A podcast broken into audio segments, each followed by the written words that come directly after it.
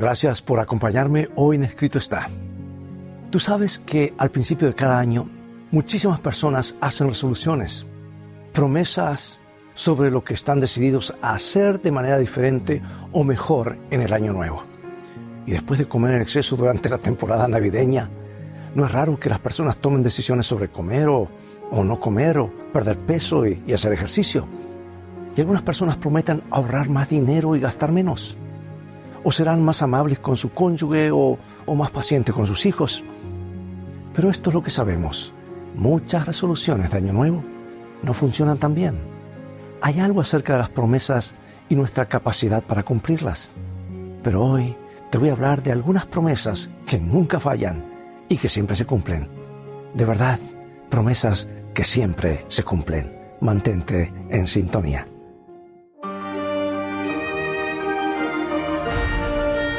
Escrito está, declara el mensaje final de Dios para nuestro tiempo, presentando al Cristo viviente como la respuesta a nuestras más profundas necesidades.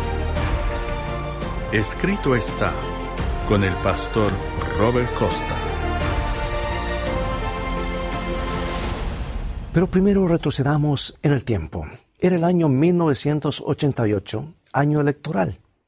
Y al ser un año electoral, los políticos decían lo que tenían que decir para generar apoyo de cara a las elecciones.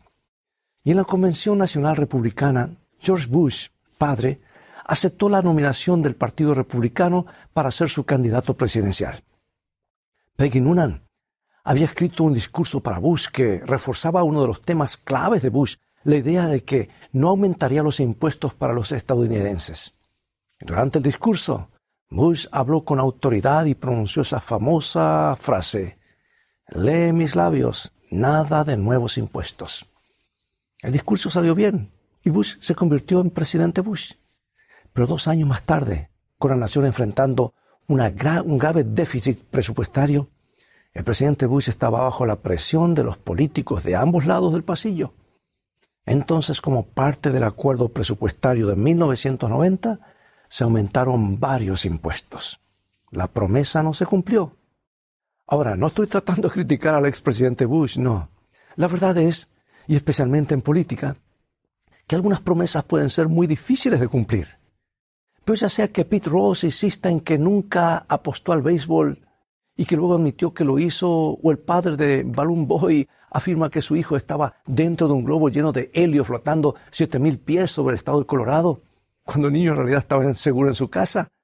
Hay algo acerca de una promesa rota. La Biblia pesa sobre el tema de las promesas y habla mucho acerca de esto. La Biblia enfatiza que una persona debe mantener su palabra.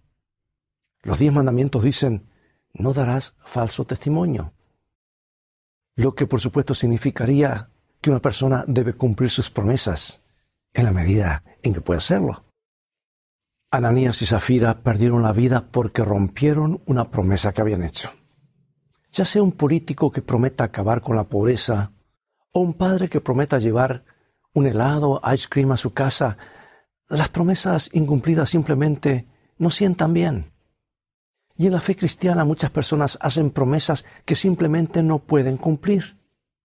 Como la resolución de Año Nuevo de, de beber menos café o comer menos dulces, una persona puede prometer a Dios o, prometerse a sí misma que de ahora en adelante orará más, dejará de decir groserías, controlará su temperamento, dejará el alcohol y...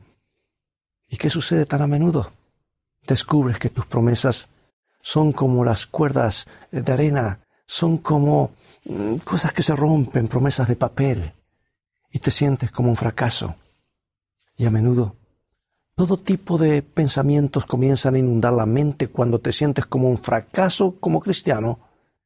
Nunca seré lo suficientemente bueno. Dios no me ama. ¿Para qué molestarse?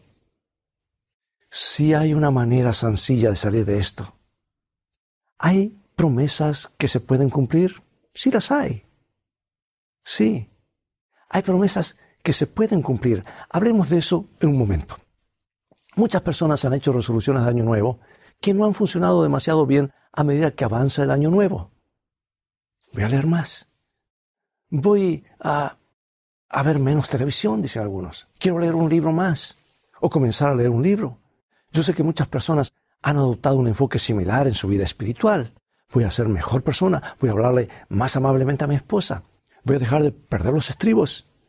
En poco tiempo se descubre que no es tan fácil cumplir esas promesas y a veces nos volvemos peor, como una persona podría haber estado pensando alguna vez.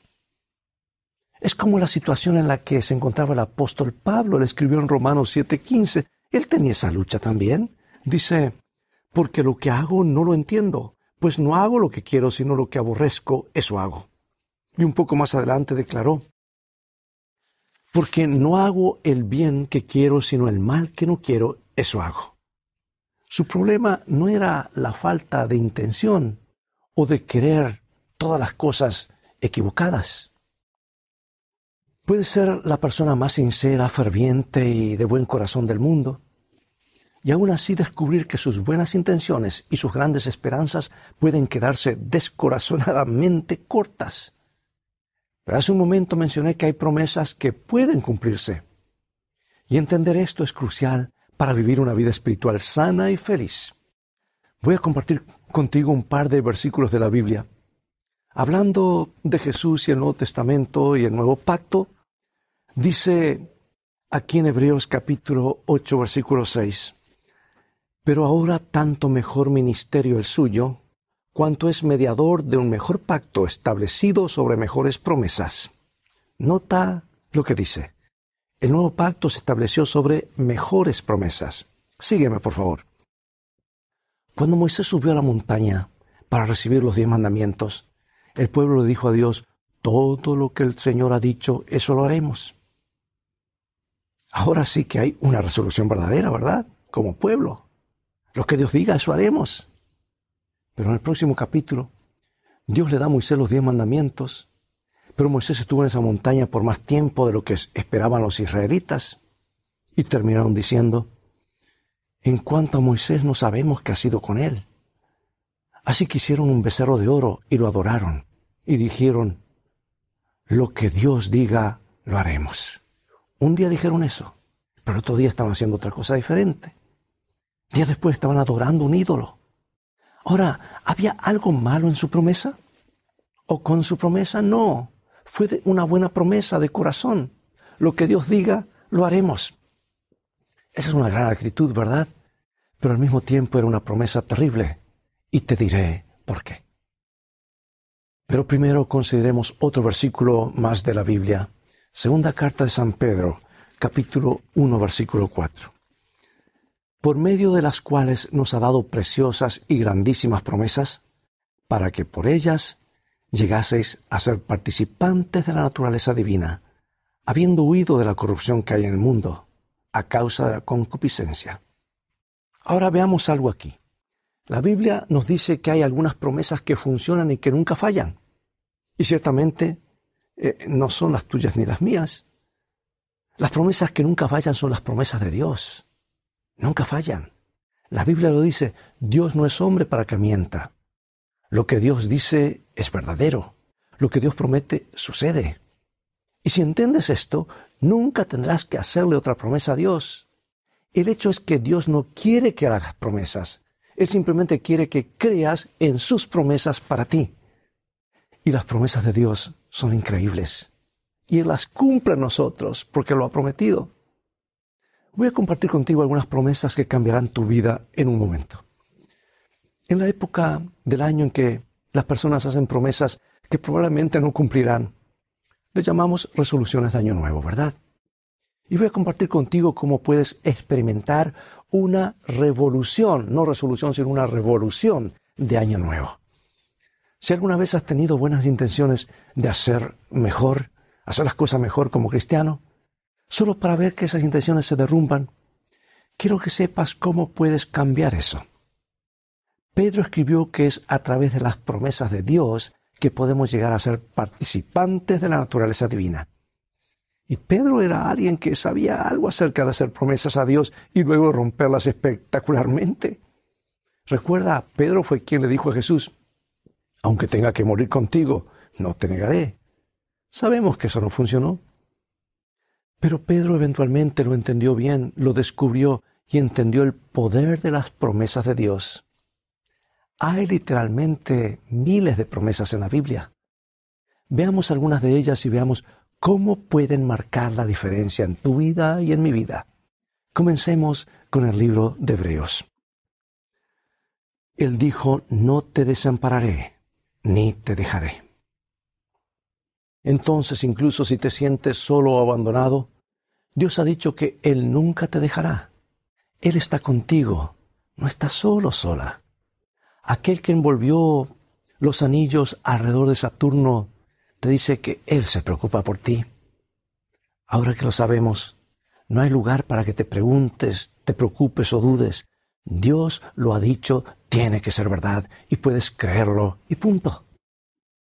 Ahora consideremos el caso de alguien que ha hecho una resolución de año nuevo para, digamos, eh, ser más amable con su cónyuge. Esa persona está hablando de cambiar su comportamiento, pero pronto se da cuenta de que no tiene la capacidad para hacerlo. Intentará, probará y fallará y fallará. Y la mayoría de la gente se cansa de fallar. Veamos dos promesas que pueden ayudar con esto. Vamos a la Biblia. 1 Corintios 10, 13 nos dice así. No os ha sobrevenido ninguna tentación que no sea humana, pero fiel es Dios, que no os dejará ser tentados más de lo que podéis resistir, sino que dará también juntamente con la tentación la salida para que podáis soportar. Así que ahora sé que cuando tengo la tentación de perder la calma, no tengo que caer. Basado en lo que dice la Biblia, puedo lidiar con esto. Recuerda lo que leímos, Dios hará una vía de escape. Y eso es una promesa. Podemos soportar la tentación con éxito porque se nos ha prometido que Dios nos dará una, vida, una vía de escape. Y esa vía de escape es Jesús. Cuando llega la tentación, podemos invocar a Cristo, al nombre de Jesús, y Él nos librará. Pero Robert, simplemente no sabes lo duro que es. Estoy seguro de que no, pero Conozco a Jesús y lo duro que es Él. Y eso es todo lo que necesitas saber. Judas 24. Y aquel que es poderoso para guardaros sin caída y presentaros sin mancha delante de su gloria con gran alegría. Entonces, si has estado visitando el tipo equivocado de sitio web, o si no has podido mantenerte alejado de los bares o los clubes nocturnos, Dios dice que Él puede evitar que, que, te caigas otra vez o que estés en ese, mundo. Su promesa es para ti. Una vez hablé con una mujer una vez que me preguntó si Dios la perdonaría por un pecado que había cometido. Le aseguré que Dios lo haría. Ella dijo, pero pastor, es un pecado terrible. Dije, eso no es problema para Dios. Él está en el negocio de perdonar pecados terribles. Y luego le pregunté, ¿has confesado tu pecado? Sí, dijo muchas veces. Me dijo que esto sucedió hace 50 años y que lo había confesado todos los días, a veces muchas veces al día. Dios mío, dije, esto es más de 18 mil veces. Y ella dijo, sí, sí, es correcto. Así que le pregunté si creía en Dios. Y ella dijo, sí, por supuesto que sí. Le dije, bueno, según lo que me estás diciendo, no crees a Dios en absoluto. No le crees. De hecho, si crees que Dios es un mentiroso, eso es lo que le dije y abrí la Biblia en 1 San Juan 1.9. Si confesamos nuestros pecados, Él es fiel y justo para perdonar nuestros pecados y limpiarnos de toda maldad. Y le pregunté, ¿has hecho eso? Si lo he hecho. Bien, si confesamos nuestro pecado, Él es fiel y justo para perdonar nuestros pecados y limpiarnos de toda maldad. ¿Dice Dios la verdad? Le pregunté a ella, ¿sí? ¿Todo el tiempo dice la verdad? Sí, así lo creo. Bueno, aquí Dios dice que te está diciendo que te perdona. Y si Él te ha perdonado, ¿por qué volverías a Él y te confesarías de nuevo como si no creyeras la promesa que, que Él te ha hecho? La animé a creer en la promesa simple y poderosa de Dios para ella y no volver a pensar en esto. Y cuando la volví a ver, me dijo que esa noche tuvo la mejor noche de sueño que había tenido en 50 años. ¿Ves? Cuando Dios ha prometido, podemos creer en sus promesas. Cuando Dios dice que va a perdonar tus pecados, puedes darte el lujo de creer eso.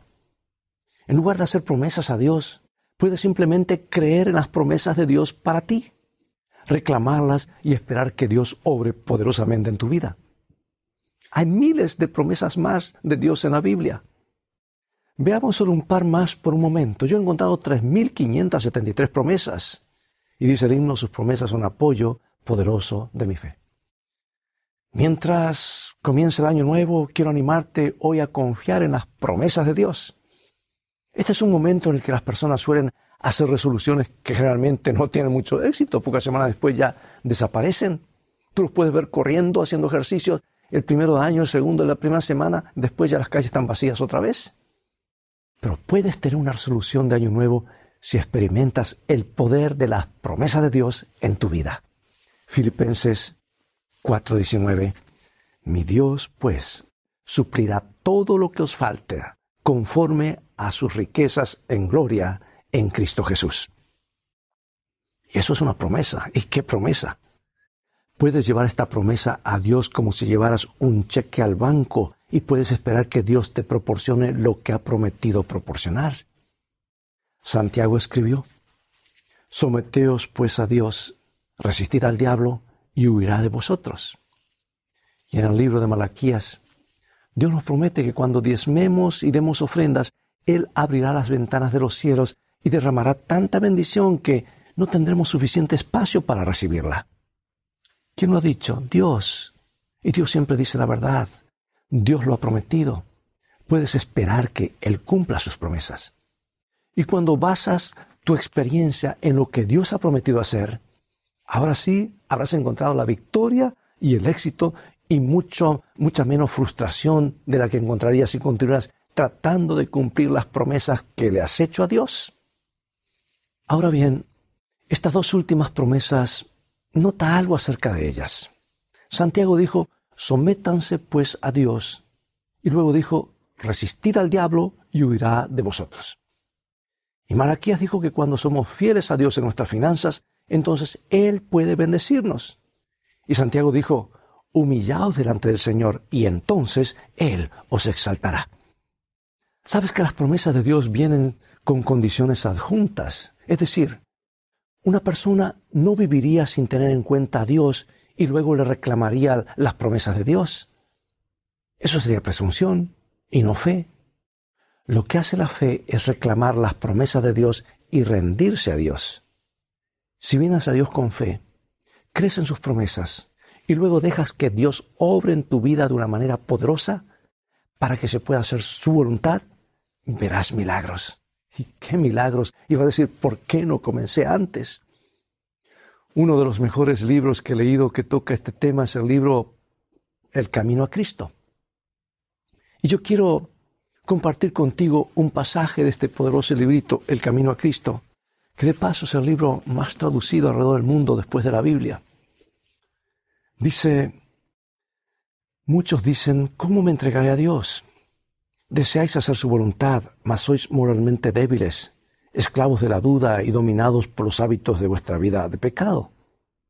Vuestras promesas y resoluciones son tan frágiles como telarañas. No podéis gobernar vuestros pensamientos, impulsos y afectos. El conocimiento de vuestras promesas no cumplidas y de vuestros votos quebrantados debilita la confianza que tuvisteis en vuestra propia sinceridad. Y os induce a sentir que Dios no puede aceptaros, mas no necesitáis desesperar. Lo que debéis entender es la verdadera fuerza de la voluntad. Este es el poder gobernante en la naturaleza del hombre, la facultad de decidir o escoger. Todo depende de la correcta acción de la voluntad. Dios dio a los hombres el poder de elegir, a ellos les toca ejercerlo. No podéis cambiar vuestro corazón, ni dar por vosotros mismos sus afectos a Dios, pero podéis escoger servirle. Podéis darle vuestra voluntad para que Él obre en vosotros tanto el querer como el hacer según su voluntad. Y de ese modo vuestra naturaleza entera estará bajo el dominio del Espíritu de Cristo. Vuestros afectos se concentrarán en Él y vuestros pensamientos se pondrán en armonía con Él. Desear ser bondadosos y santos es rectísimo, pero si no pasáis de esto, de nada os valdrá. Muchos se perderán esperando y deseando ser cristianos. no llegan al punto de dar su voluntad a Dios. No deciden ser cristianos ahora. Y por medio del debido ejercicio de la voluntad, puede obrarse un cambio completo en vuestra vida. Al dar vuestra voluntad a Cristo, os unís con el poder que está sobre todo principado y potestad. Tendréis fuerza de lo alto para sosteneros firmes y rindiéndoos así constantemente a Dios, seréis fortalecidos para vivir una vida nueva. Amigo, amiga, ¿no es esto alentador? No sin causa alguien ha dicho que este librito, El Camino a Cristo, es el mejor manual de terapia espiritual. Te lo recomiendo, léelo, te hará mucho bien. Yo lo he leído ya una docena de veces y siempre encuentro cosas nuevas. Qué maravilla lo que Dios ha prometido, las promesas de Dios. Si le das a Dios tu voluntad, Dios obrará en tu vida. Hoy creen sus promesas para ti y deja que Dios mantenga sus promesas para ti. Se cita que la sobreviviente del campo de concentración Corrie ten Boom dijo, cuando lo intento fracaso, cuando confío, Él tiene éxito. Escuché que ella encontraría una promesa en la Biblia, pondría su dedo sobre ella, se la expondría a Dios y diría, toma, lee lo que dice. Eso es audaz, ¿verdad? Pero eso es fe. Eso es confiar en las promesas de Dios. Tu experiencia no tiene que ser un ciclo de prueba y falla.